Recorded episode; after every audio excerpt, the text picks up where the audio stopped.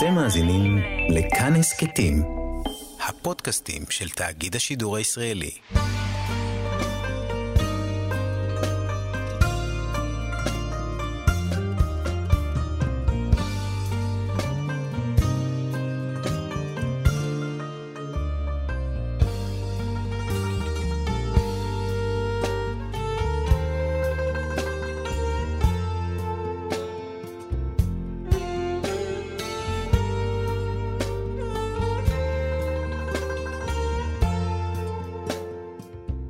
שלום, כאן מורשת חברותא, לימוד משותף עם רבנים ואנשי חינוך בנושא תנ"ך, הלכה ואמונה. היום אנחנו לומדים אה, אמונה יחד עם הרב מתניה ידיד, ראש מרכז סיפא לחינוך וזהות. וכאן ליד המיקרופון, ידידיה תנעמי, שלום לך הרב מתניה ידיד. שלום.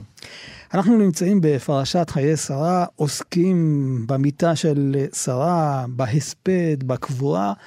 וזה נוגע לימינו ממש. ואנחנו פוגשים הרי את החיילים, את האזרחים, את כל ההלוויות, וכשאתה מתבונן על עניין של הספד ובכי, אתה ודאי צריך להכיר את האדם לפני כן, וזאת ההזדמנות, לפעמים אנחנו מכירים את כל היופי שלו רק בשעת המיטה. ובעצם זה מהווה איזשהו אה, סיכום, ויהיו חיי שרה מאה שנה, עשרים שנה ושבע שנים. יש איזה סיכום כאן, ואז מיד מגיע אברהם לספוד לשרה ולבכותה. אבל אמרת נכון, שגם בשביל להספיד צריך להכיר את החיים. והספד תמיד נשמע לנו אה, עם בכי ועם כאב, אבל יש משהו בהספד שהוא בעצם יכול להיות סיכום נפלא לחיים. תחשוב על אדם שנפטר בגיל 127. אה, אתה הולך ללוויות של בחורים צעירים, אתה כואב את זה, אתה בוכה. כשאתה הולך ללוויה של אדם שחווה חיים מלאים, של משפחה, של נכדים, של נינים, לפעמים גם יותר מזה, אתה מרגיש עצב על זה שהוא הלך, אבל אתה מבין שהוא חי חיים מלאים. אני חושב שהתורה רומזת לזה, כשהיא אומרת, ויהיו חיי שרה, הם היו שם, הם היו נוכחים, הם היו הווים, מאה שנה, עשרים שנה ושבע שנים, כל יום היה משמעותי, ובהחלט כשאברהם בא לספוד לשרה ולבכות אותה, הכל עולה. הכל עולה, כל החיים המלאים האלה והשנים המלאות האלה, אה, אתה יודע, הברכה הכי גדולה שאתה יכול להגיד לבן אדם עד 120, אז אתה אומר בעצם, יש ביטוי של למלא את ימיו. למלא את ימיו פירושו לא לחיות הרבה שנים, למלא את היום שלו, להפוך את החיים האלה למשמעותיים, ונדמה לי שלזה התורה רומזת בתחילת הפרשה שלנו. זה מזכיר לי את העניין של השפת אמת, אמר, בא בימים, מה הכוונה? שהימים באים ביחד איתו, שכל יום ויום היה לו משמעות. נכון מאוד. וכאן התורה מפרטת את השנים הללו. היא כותבת 100 שנה, ו-20 שנה, ו-7 שנים. אגב, זה מבנה לא כל כך רגיל בתורה. כן, בדרך כלל יש סיכום. גם סיכום וגם הפוך בדרך כלל. פה ממש מסודר, כמו שאנחנו אומרים היום, 127. Mm-hmm. וחז"ל מיד כולם אומרים, וגם רש"י מביא את זה, אבל הרבה מאוד מדרשים באותה לשון, שכולם שווים לטובה. מה זה אומר? ואתה יודע, אתה שומע את המילה טובה, ואתה חושב על חייה של שרה. אתה יודע ששרה נחטפה פעמיים? שרה נחטפה פעמיים. פרעה ואבימלך. נכון מאוד, היא נחטפה פעמיים בחייה, מי בעלה, היא לא יודעת מה יהיה שם, היא, היא בלחץ איום ונורא. ולולא הקדוש ברוך הוא עזרה, מי יודע מה היה. היא נחטפת פעמיים. הבן הראשון שלה נולד בגיל 90. 90 שנה היא עקרה, אין לה ולד. אז איך אפשר לדבר על טובה? איך אפשר שווים לטובה? מה זה אומר שווים לטובה? ואנחנו יודעים את התלאות, את המעברים ואת הנסיעות ואת ה... מאוד מאוד לא פשוט. נדמה לי שרש"י רומז לנו משהו כאן, גם בהקשר של הפסוק. אנחנו צריכים להתייחס לחיים שלנו לא כטובה שהיא טובה אבסולוטית, זאת אומרת שהיה לה את כל מה שהיא רוצה, ותמיד היה הכל מושלם והכל טוב. כולם שווים לטובה, הכוונה היא, תחשוב על השנה שבה נולד יצחק. הייתה לה שנה טובה? בוודאי שהייתה שנה טובה, השנה הכי מאושרת בחייה. רש"י אומר לך, גם השנה שלפניה הייתה שנה טובה. גם השנתיים שלפניה, בעיני שרה, אימנו, mm-hmm. היא הייתה שנה טובה. עם המהלך האלוקי, שאני אחכה עוד ועוד לילד, שאני אתפלל עוד, זה הדבר הטוב והנכון. מעט אנשים יכולים אולי לחיות ב-level הגבוה הזה, אבל כשכולם שווים לטובה, פירושו הימים שלה, השנים שלה היו מלאות. וכשהגיע יצחק, העושר הפנימי שלה בוודאי גדל, אבל אם היו שואלים אותה עכשיו, האם היה טוב לך גם לפני עשר שנים? היא הייתה אומרת כן. אגב, צריך להגיד, וזה ידוע שיש אה, איזה סקר שמתפרסם באירופה, ראיתי אותו כמה פעמים, עם שאלה נורא פשוטה, שאלה אחת, האם טוב לך? ולמעלה מ-80% עונים כן. עכשיו, אני בטוח שיש שם אנשים שענו על הסקר הזה שהם גם נכים בצורה מסוימת, או יש להם קשיים רפואיים, ובכל זאת 80% מהאוכלוסייה עונה ב- בלי להתבלבל טוב. מה זה אומר? זה אומר שמלאות שנים וימים תלויה גם בהשקפה שלך על המשימה שלך בימים האלה. כלומר, אם אני מבין נכון מה שאתה אומר, אתה אומר שווים, הכוונה לא שזה שווה לזה, אלא שווה לחיות, כי אתה מסתכל על זה לטובה. שווים לטובה, בדיוק. אני פועל כדי שגם היום הזה, שהוא יום קשה, שהוא יום לא פשוט, שאני צריך להתאמץ עליו שיהיה טוב, אני מתאמץ עליו. ונדמה לי שאדם כמו שרה אימנו, שחיה את חייה מלאי המשמעות ומלאי התוכן, כל יום בשבילה היה טוב מהבחינה הזאת. אגב, על מי נאמר עוד שהוא היה טוב? משה רבנו. ותרא אותו כי טוב. כי טוב הוא. אז כולם שואלים שם, נכון, כל אימא חושבת שהתינוק שלה הוא טוב, מה זה היא ראתה שהוא טוב? אז כתוב, נתמלא הבית כולו אורה. בעיניים של יוכבת. אם אני הייתי שם, לא הייתי רואה את האור הזה כנראה. בעיניים של יוכבת, התינוק הקטן הזה, שנולד לתוך איזה מציאות של עבדות קשה mm-hmm. במצרים, של לקחת את הילדים ולזרוק אותם ליאור. וואו. בעיניה זה היה אור טוב. היא לא יודעת מה יהיה איתו, אבל בעיניה זה כבר היה טוב. כלומר, נקודת הפתיחה היא התייחסות חיובית, הסתכלות לטובה. הכוונה. הכוונה של האדם, הכוונה שלו במעשים שלו, במחשבות שלו, בדיבורים שלו, יכולים להפוך את החיים שלו לטוב. עכשיו, תבין מה זה אומר. זה אומר שגם כשנתן שרנסקי בספר שלו, לא יירא רע, מתאר שהיו לו ימים מלאי השראה בתוך הצינוק בכלא, כשהוא היה עם התנ"ך, וכשהוא חיכה לתנ"ך שיביאו לו, וכשעשה הפגנות, הוא אמר, הרגשתי שיש לי משמעות שעליה אני, שעליה אני נלחם. אתה מבין שהיה לו יום מלא משמעות יותר מאנשים שיש להם את כל השפע מסביבם, אבל לא יודעים מה לעשות עם היום הזה. עכשיו, אני אתן לעצמי את הנאום של אה, אברהם אבינו שם בהלוויה, הוא מספיד, ובסופו של דבר מספר על כל היופי של שרה. ואז כתוב שהוא בוכה. הסדר צריך להיות הפוך. קודם כל, אדם, ברגע שמתו מוטל לפניו, הוא בוכה, ואז מתוך כך הוא בא ומספיד. כלומר, הוא עצר את הרגשות שלו, מה קרה כאן?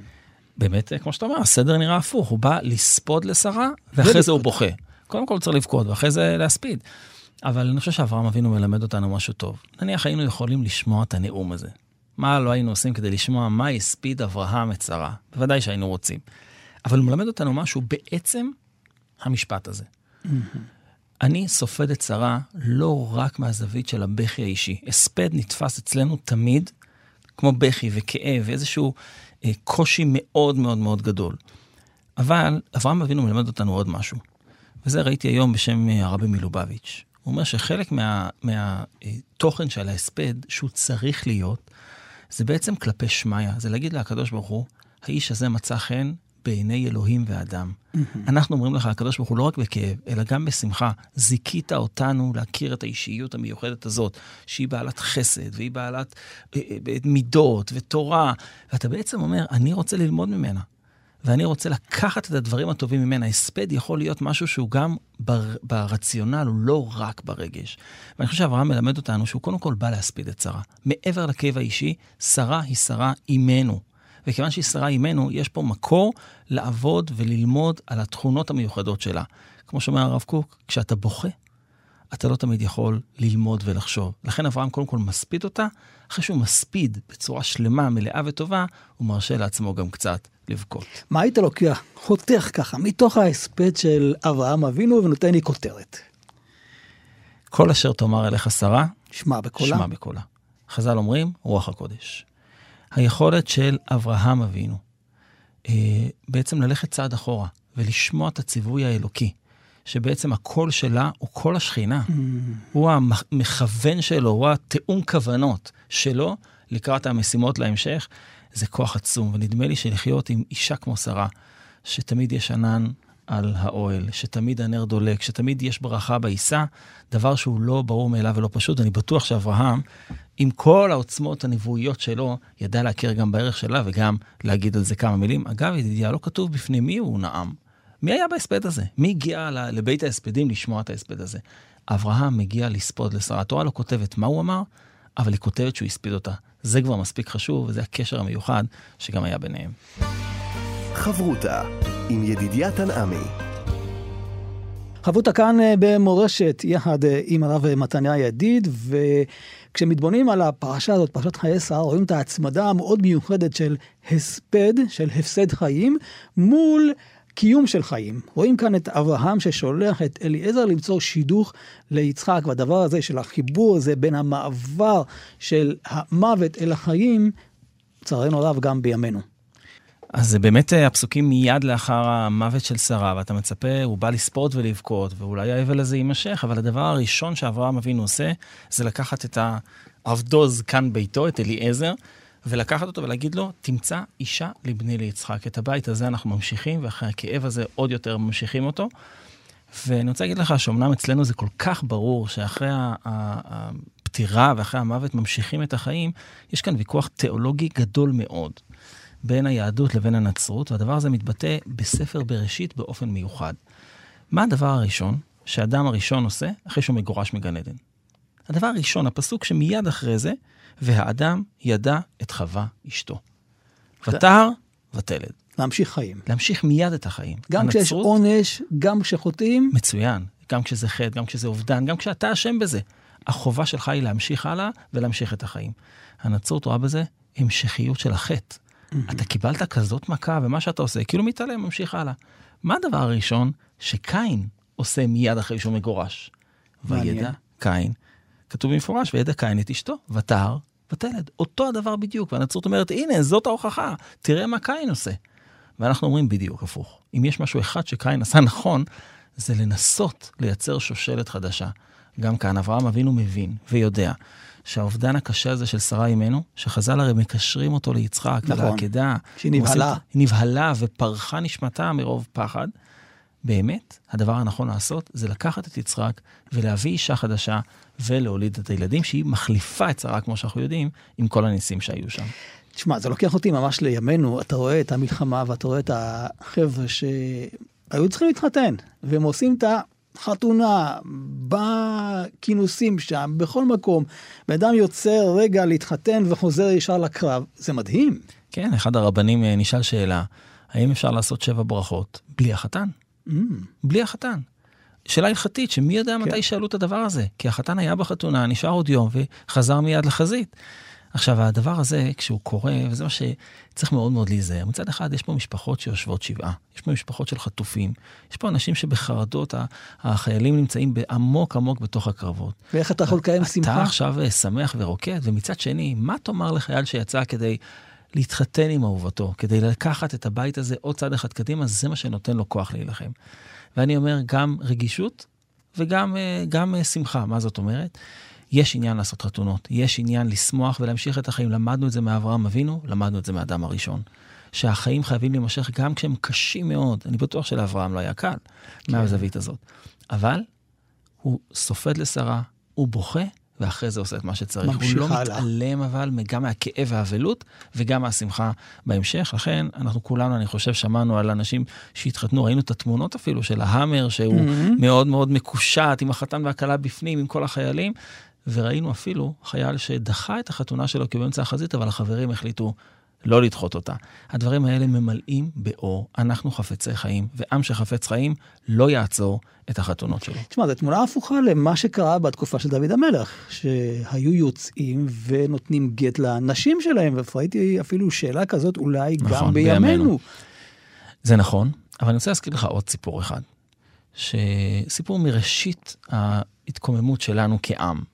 נכון, עמרם אה, מתגרש אה, מיוחדת. כן. כי הוא אומר, אין טעם, וואו. אין טעם להביא חיים. מרים באה ואומרת לו בדיוק הפוך, עכשיו חייבים להביא חיים. ונדמה לי שמרים הנביאה, ברוח הקודש שלה, בנבואה שלה, נותנת קריאת כיוון לנו היום. אנחנו, ברוך השם, במדינה, ויש צבא ויש הכל, ואם אנחנו לא נמשיך את החיים, מי ימשיך אותם? אז מרים הנביאה, והאדם הראשון, ואברהם אבינו מסמנים לנו את הדרך לאן צריך ללכת. בואו ניכנס רגע לסיפור של השידוך עצמו. אתה רואה הוראות מדויקות, איך אברהם אבינו מסביר, משביע את השליח שיעשה לפי ההוראות. כן, זה כמעט, אתה יודע, זה כמעט משלוח במחשב. זאת אומרת, אומר לו לאן ללכת, למי ללכת, מה לעשות. זה כבר יכול להיות כמעט אה, רובוט, ואתה אומר, אה, מה, מה התורה מעריכה בסיפור הזה? אתה יודע, 67 פסוקים ארוכים, מפורטים, מלאי דקויות, mm-hmm. וחוזרים על עצמם כמעט. נכון. מה התורה רוצה בדבר הזה? אני רוצה לתת לך הערה אחת, שאני חושב שהיא מכוונת את כל הסיפור הזה, ונדמה לי שכשקוראים אותה לאור ההערה הזאת, אפשר גם להבין את האריכות בסיפור. כשאברהם אבינו שולח את אליעזר, אומנם הוא לא כתוב בשמו, הוא כתוב עבדו זה כאן ביתו, אז הוא באמת נותן לו הוראות מאוד מדויקות, אבל הוא נותן לו גם עוד מילה אחת שהיא מאוד מאוד חשובה. הוא אומר לו, הוא ישלח הוא מדבר על הקדוש ברוך הוא. הוא ישלח מלאכו לפניך ולקחת אישה לבני משם. לא רק שהוא נותן לו הוראות, הוא גם מבטיח לו עזרה משמיים. עכשיו, אני כל השנים קראתי את זה, ובצדק. כי אני חושב שכולם קוראים את זה ככה, באופן הזה שבעזרת השם יהיה מלאך משמיים שיעזור לך בכל הדרך. אבל שוב, בשם הרבי מלובביץ', ראיתי היום משהו נפלא, שלא לא חשבתי עליו בפשט של הפסוק. הוא לא אומר לו, אני אשלח איתך מלאך שיעזור לך, שלח לי מלאך, כמו השיר Mm-hmm. הידוע. הוא אומר, הוא ישלח מלאכו לפניך. כבר, עוד לפני שאתה תגיע, כבר יש שם... הוא כבר וואו. שם מסדר את כל העניינים. אתה חושב שאתה מגיע ומסדר הכל, הוא כבר שלח מלאך, והוא כבר מסדר את כל... מה אתה חושב, שזה שאתה מגיע ופתאום נערה יוצאת Mhm. להשקות את הגמלים, וזה בדיוק הנערה הנכונה, וביום למחרת כבר הם מוכנים שת... לשלוח אותה להתחתן עם אה, מישהו שהם לא מכירים בסופו של דבר? זה נקרא ישלח מלאכו לפניך. אני רוצה להגיד לך, ידידיה, שגם אה, כשהחיילים שלנו נכנסו לתוככי עזה, מי שחושב שהראשונים שנכנסו זה כוחות החי"ר והשריון טועה. את מלאכו הוא שלח לפנינו. כמו שהיה בארץ ישראל, ושלחתי את הצירעה. בדיוק, לפניך. זה בדיוק אותו מינוח, ואני חושב שאנחנו צריכים לדעת שהניסים הגדולים שקורים מדי יום ומדי שעה, הם בסייעתא דשמיא הגדולה. ולכן כשאברהם אבינו שולח את עבדו, הוא לא מסתכל רק על העבד המסוים, הספציפי שהוא סומך עליו. הוא יודע שהקדוש ברוך הוא בעזרו, ואז כל הסיפור הארוך של השליחות הזאת הופך להיות שליחות אלוקית. ועכשיו כדאי שנלמד איך עושים את זה נכון, איך פונים, מה, מה המדד של האישה הנכונה ליצחק, איזה, מה הוא מבקש לבדוק בדיוק. אז זהו, כי הוא נותן הרי סימן, הוא אומר, איך אני אדע? יש לי סימן מסוים, שהיא תשקה גם אותי וגם את הגמלים. אבל אם יש מלאך, אז למה צריך את כל הסימנים האלו? מצוין, מצוין. זאת אומרת, אברהם אבינו, גם הוא נותן לו בעצם הוראות מדויקות, אבל אם יש מלאך, מה צריך הוראות? תלך, תביא, וזהו. אני רוצה להגיד לך שהסימן הזה לא יכול להיות רק על ידי מלאכים. הוא חייב להתגלות במציאות. זאת אומרת, אם אליעזר מגיע, והיא אומרת לו, שתה, וגם לגמליך אשאב, יש כאן משהו שהוא מגלה במציאות את הטוב הלב המיוחד הזה של אה, רבקה אימנו, ונדמה לי שהמלאך ואליעזר הם בעצם השותפים במהלך הזה. המלאך יכול להכין את הכל, אבל אם אליעזר יפספס, לא יקרה כלום. המלאכים, הם מכינים את הקרקע, הם לפנינו. בפועל אנחנו חיים בעולם שיש בו טבע ומציאות. ולכן אברהם אבינו מצווה אותו עד הדיוק האחרון. אתה יודע, זה כמו, אה, תמיד זה מזכיר את סיפור יהושע ויריחו. נכון? הרי הקדוש ברוך הוא בסופו של דבר מפיל את החומות שם. אז למה צריך לעשות שבעה ימים סיבובים? שבעה ימים הם מסובבים את כל חומות יריחו, ביום השביעי הם מסובבים אותו שבע פעמים. תפיל את החומות, למה צריך לעשות את כל הסיבוב לא, הזה? תחריב את כל העיר. תחריב את העיר, שעם ישראל ישבו מאחורה. הוא שרק החמות נפלו, ואז נכנסו וביצעו שם את הקרב. עוד יותר, אתה צודק כמו בעזה. נכון מאוד, נכון מאוד. אז בשביל מה, אם אתה כבר עושה נס כזה, אז כמו שאתה אומר, כבר תגמור את המלחמה. התשובה היא לא. שילוב. אני שולח מלאכי לפניך, אבל אם אתה לא תעשה את העבודה כמו שצריך, גם היום.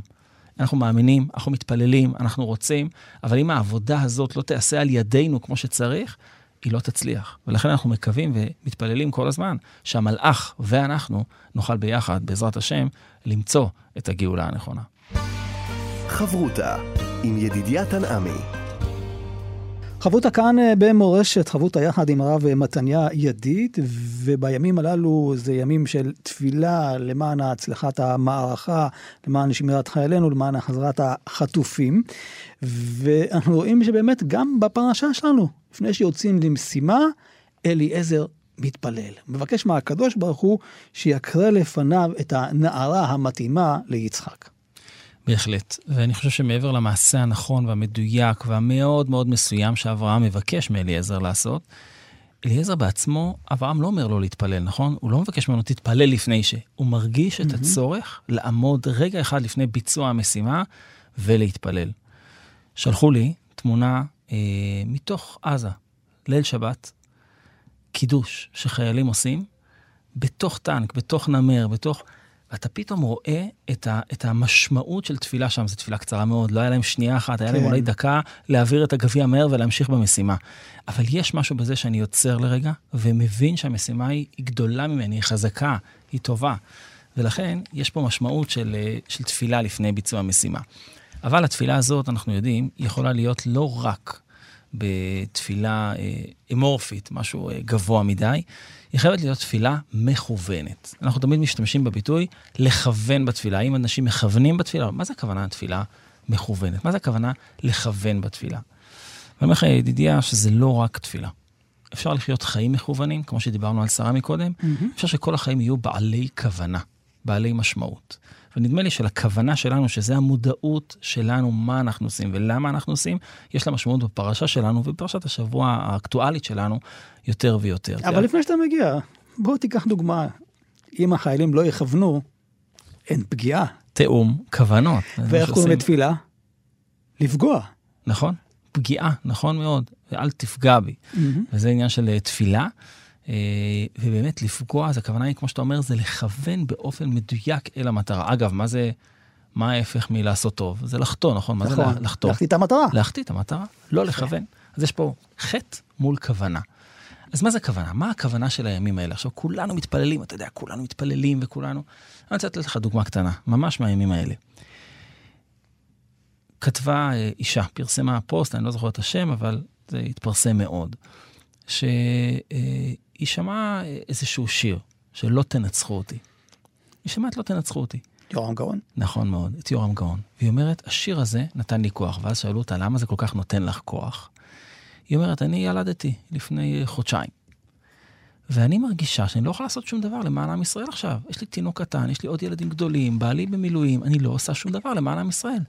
ופתאום הבנתי, היא אומרת, שהכוונה שלי כרגע, הגידול המשפחה שלי, התינוקת שלי הזאת, שאני, זה התפקיד שהוטל עליי עכשיו מהשמיים. זאת הכוונה שלי, ואני מכוונת בזה להיות האימא הטובה ביותר שאני יכולה. השגרה שאת שומרת, ובעלך יכול להיות רגוע ושקט בעזרת השם, שהבית מתפקד וטוב, זה קשה, זה מורכב, צריך לקבל עזרה והכול, אבל זאת הכוונה שלך עכשיו. את לא צריכה כוונות הארי. את לא צריכה עכשיו ללכת לחזית ולהביא להם דברים. את צריכה להיות כאן ועכשיו. יש כוונות בחיים שלנו, ואגב, זה מעוגן בהלכה. זה מעוגן בהלכה. עוד רגע אני אתן לך דוגמה אחת מדהימה, שהתז, בעל עטורי זהב, מביא להלכה. ב- ב- בכלל בהלכות שקשורות בענייני אישות. ושם הוא נותן דוגמה די מדהימה. הוא אומר שמצינו ברמב"ם, ככה הוא כותב, על פסוק בכל דרכיך דאהו, שזה פסוק שמדבר על שגרה. זה פסוק של, זה אולי הקלאסיקה של השגרה. והוא אומר, מי שאוכל ושותה ומעדן את נפשו, זאת אומרת, הוא אוכל גם אוכל טוב, זה כיף לו, כדי שיהיה בריא וחזק לעבודת השם יתברך, יש לו שכר כמו מי שמתענה. זאת אומרת, הכוונה שלך, כשאתה אוכל ארוחת צהריים, ואני אומר כוונה, לא להתבלבל, כוונה של ממש. אני אוכל ארוחת צהריים, זה חלק מהבריאות שלי, זה חלק מהחיות שלי. אני אוכל עכשיו כדי שיהיה לי את הכוח לילדים אחרי צהריים, כדי שיהיה לי כוח ללמוד. כדי ש... זה חלק המשימה. מדרכי השם. זה, זה נקרא בכל דרכיך דהו לפי הרמב"ם, לא פחות ולא יותר. ולכן הרמב"ם אומר שצריך לישון שמונה שעות ביום. אם אתה לא תישן טוב, אתה לא תצליח לתפקד, אתה תהיה יותר כועס. זה חלק מכוונת החיים שלך. כוונת החיים צריכה להיות מאוד מאוד מכוונת. ולכן כשאדם מפספס, כשאדם מחטיא אותה, החיים שלו הרבה פחות מכוונים, מילא הוא מפספס את המטרה שלו. אדם צריך להתכוונן, לא רק לכוון, אלא להגיע למיצוע הנכון, כפי שהרמב"ם גם מדבר עליו. נכון, שמונה שעות ביום לישון זה נראה לי חלום להרבה מאוד אנשים. אבל האם אתה יודע בוודאות שאתה באמת יושן את השעות שאתה צריך, אוכל את האוכל שאתה צריך? האם אתה מכוון את חייך למקום טוב יותר ונכון יותר? ולכן הרמב"ם מדבר על קביעות עתים לתורה, הוא פוסק להלכה שאדם צריך לקבוע זמן ביום וזמן בלילה. בלילה. והגית בו יומם ולילה. אם במערך החיים שלך, אם בתוך ההתכווננות, כמו שאמרת, של החיים, אתה מכוון את עצמך לאותו מקום שיש לי זמן שבו אני מתפלל, זמן שבו אני לומד. ואני אומר לך שבכאב, אני יכול לומר, שהרבה אנשים אומרים, תשמע, אני לא מצליח להתרכז, זה לא- מתחיל בתפילה, זה מתחיל בחיים עצמם. ואני חושב שכאן המשימה שלנו היא לכוון את החיים. ולכן התז מביא על הדברים האלה של הרמב"ם, שיש הרבה תלמידי חכמים, ככה הוא כותב, לא אנשים פשוטים, תלמידי חכמים, שמנדדים שינה מעיניהם. הם, יש להם נדודי שינה בגלל שהם לומדים כל הזמן, ועוסקים בתורה. ויש תלמידי חכמים, ככה הוא כותב, שישנים הרבה. עכשיו, זה מאוד חשוב, אתה רואה את הרב הזה ישן הרבה, מה זה? כדי שיהיה להם כוח חזק וזריזות לב לעסוק בתורה. ובאמת, ככה הוא כותב, יכול ללמוד בשעה אחת מה שזה מצטער ועוסק בכמה? האיכות, בשתי שעות. כן. העייפות, הכעס, הת... תישן טוב, תאכל טוב, זה נקרא לכוון. לכן אני אומר, גם בתפילות של היום, גם במתח שבו אנחנו נמצאים, אם אדם לא יודע לכוון את חייו ולדאוג גם לעצמו, ולדאוג לאחרים כמובן, החיים פחות מכוונים, ומילא קשה מאוד לכוון. זה גם הרעיון של חסידים הראשונים שהיו שוהים שעה אחת קודם התפילה. בדיוק. אתה יודע, אני תמיד חשבתי, מה הם היו עושים שעה לפני התפילה? בטח לומדים משהו, קוראים תהילים? לא. רש"י במפורש כותב שהם היו מכוונים את ליבם. מדייקים את עצמם. מדייקים את עצמם. על מה אני צריך להתפלל עכשיו? על מה אני... אתה יודע, העצה הטובה ביותר שקיבלתי אי פעם לתפילה. הייתי בתיכוניסט והיו פיגועים קשים מאוד בירושלים. ואמרתי לחבר שלי, תשמע, לא נעים להגיד, אבל זו תקופה שאני מתפלל בה הרבה יותר טוב. הרבה יותר טוב. אז אמר לי, מה הבעיה? כל פעם לפני שאתה מתפלל, תראה חדשות. אמרתי לו, תשמע, זה קצת מסובך. הוא אומר לי, לא, אתה לא מבין. אם אתה דקה לפני שאתה פותח את הסידור, תשאיר אותו סגור. דקה תחשוב על מה אני צריך להתפלל עכשיו. וואו. זאת כוונת הלב שחסידים הראשונים היו עושים שעה את הכוונה הזאת. אנחנו אפילו דקה, זה מועיל מאוד, בטח ששעה. ולכן זאת כוונת הלב שהם היו מכוונים, לא לומדים. לא עכשיו אומרים תהילים, מכוונים את ליבם. וזה נקרא לחיות חיים שהם הרבה יותר בעלי כוונה. דיברנו על כוונה, במיוחד בכוונה בתפילה, ואנחנו יודעים שהרי בתפילה עצמה יש צרכים אישיים, אתה מבקש על עצמך, אמנם אתה כולל את זה בתוך כלל ישראל, כמו רפאנו וכדומה, אבל עדיין יש את הנגיעה האישית. אז איפה אפשר לקחת את זה למקום הנכון שלא נפספס? אתה יודע, אנשים היום, במיוחד היום במצב הזה, קצת מתביישים לבקש אה, בקשות אישיות. אתה יודע, מישהו מתקשר אליך, אפילו בן אדם לחברו, מישהו מתקשר, ואומר, תשמע, לא קשור למלחמה, לא נעים לי, אבל אני צריך איזו עזרה קטנה במחשב. אנשים כן. כאילו לא נעים להם. בטח בתפילה היום, אתה פתאום תבקש על איזה משהו שקרה לך, זה לא נעים. ואני רוצה להגיד לך מה חובות הלבבות כותב. רבנו בחיי, לפני כאלף שנה, אחד מספרי המוסר והאמונה הראשונים שיש לנו ביהדות כספר. והוא כותב אה, שאדם למשל עושה טובה לחברו. אתה יודע, אני עוזר לאישה מבוגרת לעלות עכשיו עד הקומה האחרונה, ואני מעלה לה את כל הסלים, מכניס לה את זה הביתה, והיא פשוט טורקת לי את הדלת בפנים, ואפילו תודה לא אומרת. אומר חובות הלבבות על המקרה הזה, אומר, כשאנשים אומרים לך תודה, זה לא כדי שאתה תרגיש עכשיו יותר טוב. הקדוש ברוך הוא ברא את הצורך הזה שאתה תקבל את התודה כדי שתרצה לעשות לאנשים עוד הלאה? עוד חסד. וואו. זאת אומרת, אם לא אומרים לך תודה, המוטיבציה שלך לעשות עוד חסדים יורדת. ולכן הקדוש ברוך הוא ברא אותך כמי שצריך להתמלא מה... זה באמת מפריע לך שאלה... אתה צודק, זה באמת מפריע. ולכן כשעושים לך משהו טובה, אתה צריך להגיד מיד, מה מלמדים את הילדים הקטנים? תגיד, תודה, זה אחת המילים כן. הראשונות שהם יודעים. וזה מדהים. איך אנחנו פותחים כל בוקר? מודה אני. מודה אני. המילה הראשונה שיהודי מוציא מפיו כל בוקר זה מילה תודה. לכן, כמו שאמרת, גם על תפילה, מותר לאדם להרגיש את הצורך להתמלא גם בבקשות פרטיות. להפך, חז"ל עודדו אותנו, עודדו אותנו לבקש בקשות, להתפלל עליהן, גם אם זה בקשות קטנות. אבל אנחנו צריכים לזכור תמיד שהתפילה נאמרת בלשון רבים. כל תפילת 18, מתחילתה ועד סופה, להוציא את הפסוק הפותח והחותם, כולה בלשון רבים. אתה יכול לבקש בקשה פרטית, עד כדי כך שמפרשי התפילה אמרו שברכת גואל ישראל, בחצי הראשון של תפילת 18, זה ברכה פרטית. זה עוד לא גואל ישראל הגדול, זה לא צמח דוד וירושלים, וגם זה נאמר בלשון רבים. זאת אומרת, אני יכול לבקש בקשה פרטית, אם תמיד, תמיד, תמיד תכלול את זה ברבים, זה מעלה אותך, זה לא משאיר אותך אדם פרטי. חברותה עם ידידיה תנעמי. חברותה כאן אה, במורשת, חברותה יחד עם הרב מתניה ידיד. ואם חוזרים אל הפרשה ואל החיבור לימינו, אני חושב שאחד הדברים העיקריים זה הסיפור של החסד. וכשאתה קורא כאן, קודם כל את הבחירה. של uh, רבקה, זה בחירה של חסד, אתה מחפש את החסד. אליעזר רצה לבדוק עד כמה היא מתאימה לאברהם, איש החסד. ואתה רואה את הדברים כאן, ותאמר שתי אדוני, ותמהה, ותורד כדה, ותשקהו, ותאכל השקותו, גם לגמליך ישב, יש פה חסד מעל חסד, וזה מדהים, והיא מזמינה אותו הביתה, ונותנת לו גם תבן, גם מספוא וגם מקום לניל. זה פשוט מתאים למה שקורה היום, אתה רואה איך עוטפים את החיילים באהבה כזאת גדולה. וזה אולי אחת הזכויות הגדולות ביותר שלנו. אתה יודע, כשכולם מדברים על השמאל ועל הימין ועל אחים לנשק ועל mm-hmm. בעד ועל נגד ועל הכל, קשה לעמוד מנגד כשאתה רואה את כולם יד ביד, כתף אל כתף, עובדים יחד למען כלל ישראל. אין זכות גדולה יותר בשמיים, אני חושב, מהתחושת השותפות והאחריות הזאת, הלוואי והיא תימשך. אבל דיברת עכשיו על חסד, ואני רוצה להביא לך פסוק אחד בספר ישעיהו. הפסוק אומר, ואתם ביערתם הכרם, גזלת העני בבתיכם. עכשיו, אין דבר יותר נורא ואיום מגזלת העני. לקחת מהעני, זה כבשת הרש, מה שאנחנו מכירים. אבל רש"י כותב משהו עוד יותר חזק מהדבר הזה. כי על מה הגמרא הזאת נאמרת? כל שיודע בחברו שהוא רגיל ליתן לו שלום, יקדים לו שלום.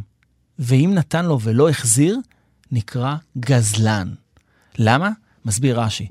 מה אפשר לגזול מעני? מה אתה יכול, נגיד, מה יש לו. כבר? מה יש לו כבר? יש לו את הכבוד הבסיסי שהוא אמר לך שלום. ואתה השבת לו.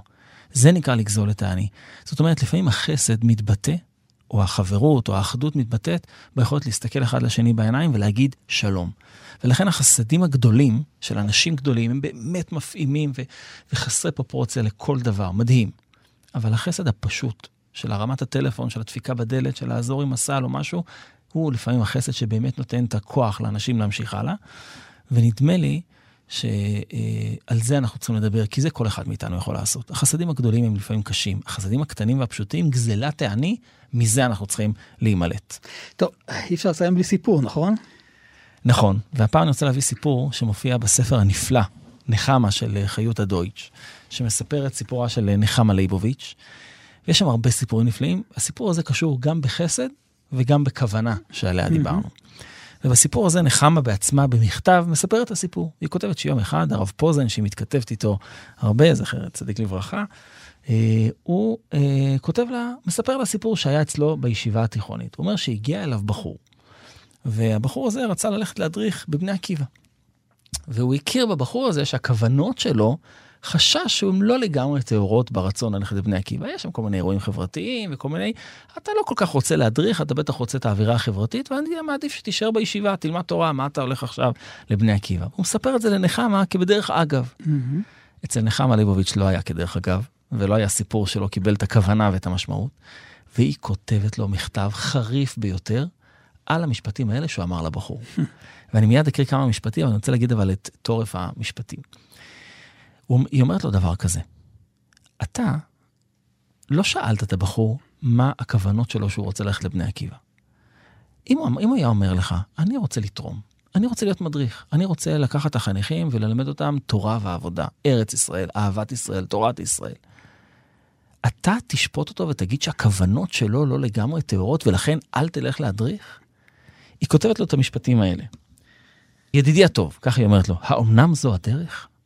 אם מתחיל אני, ככה היא כותבת על עצמה וזה דבר מדהים, לבדוק את עצמי. בכמה אחוז נדחפתי ללמד, לנסוע לכל קצווי הארץ לתת שיעורים. נחמה ליבוביץ' הייתה נוסעת מצפון לדרום ללמד. היא הייתה עונה לאלפי מכתבים, ככה אומרים, אלפי מכתבים לאנשים שכתבו לה.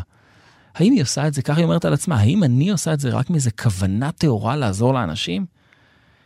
האם זה מפני שרציתי להרבות תורה בישראל, או מפני שרציתי להרוויח כסף? כך היא כותבת על עצמה. ובכמה אחוזים יש כאן אהבה עצמית לשמוע דברי שבח? באיזה כנות היא כותבת את זה? ובכמה אחוזים, כותבת דבר עצוב עכשיו, מזמן שנפטר בעלי, יש בזה הרצון לברוח מהבדידות? האם אני עכשיו אפסיק ללמד, לתת שיעורים, כי אולי הכוונה שלי לא 100% טהורה? האם ככה אתה רוצה שאני אפעל? היא שואלת את הרב פוזן. בעצם היא מלמדת אותנו משהו גדול. אנחנו בני אדם, יש לנו תמיד כוונות מעורבבות, חושך ואור שמשמשים עמנו בערבוביה. אל תוותר על המעשה הטוב, כי יש בו קצת כוונה אישית, שולית, שהיא לא טובה כל כך. ונדמה לי שגם אנחנו היום, אתה יודע, יש כל כך הרבה מעשי חסד, האם אנחנו נהנים מהתודה שאומרים לנו? האם אנחנו נהנים מה, מהחוויה של לספר לכולם כמה נסעתי והבאתי ונתתי והשגתי וכולי וכולי? אל תפסיק את זה בגלל זה. פעם לימד אותנו הרב אלישע וישליצקי לגבי פרסום. אז הוא אמר לנו שאם אה, אה, הפרסום הופך להיות המטרה, מהמם. זאת הבעיה. אבל אם הפרסום הוא רק מתלווה לדבר הזה, ואתה תעשה את זה גם בלי, זה התודה של חובות הלבבות. ולכן נחמה ליבוביץ' מלמדת אותנו, בעצם את כולנו, שכוונה יכולה להיות גם קצת, קצת לא, אה, לא שלמה לגמרי. ונדמה לי שגם אה, כשאתה מדבר על המילה כוונה, אתה יודע שהספר המפורסם של הרב סבטו, תיאום כוונות. נכון. הוא לא נקרא ככה רק בגלל שמדובר שם על טנקים, שבהם עושים תיאום כוונות ותותחים והכול. תיאום הכוונות שמבקש מאיתנו הרב סבטו, זה אותה כוונה למה ועל מה אנחנו יוצאים למלחמה. ונדמה לי שאחד הדברים המנחמים ביותר, החזקים ביותר, הטובים ביותר בכוונה שלנו, זה הידיעה שהמלחמה הזאת היא מוסרית וצודקת, שאנחנו בצד הנכון. ולכן נדמה לי שכל אבותינו ואימותינו, בכוונותיהם, הרי כתוב שלמה שרה הייתה עקרה? למה אימותינו היו עקרות? שהקדוש ברוך הוא מתאווה לתפילתם של צדיקים. מה מיוחד בתפילתם של צדיקים? הכוונה שלהם, הרצון שלהם שיתגלה שם השם בעולם. הדבר הזה, כמו בדורנו, אנשים ש... אתה יודע, אתמול אה, בכותל המערבי, בשעה מאוד מאוחרת בלילה, אתה עומד בכותל ואתה שומע בכיות מכל עבר. נגמרה שם איזושהי עצרת עם משפחות החטופים. וכל אחד התפזר כזה לדרכו עם כל הנרות נשמה שמסביב והכול. ואתה שומע בכי חרישי.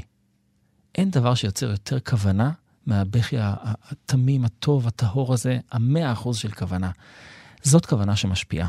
האם אני בכוונתי הלכתי אחרי זה ודיברתי איתם, או כדי, כדי קצת לשמוע אולי מי ומה, והתעניינתי בפרטים, או לא יודע. אבל הכוונה הזאת הייתה כוונה שמועילה לכל האנשים שהיו שם מסביבי, חרדים וחילונים וחיילים והכול. אלה כוונות שאותן אנחנו צריכים לאסוף ולהתפלל איתם יחד על כלל ישראל. הרב מתניה ידיד, ראש אה, מרכז סיפא לחינוך וזהות, תודה רבה לך. תודה. כאן ידידיה תנעמי, עוד נשוב וניפגש בחברותה הבאה. אתם מאזינים לכאן הסכתים, הפודקאסטים של תאגיד השידור הישראלי.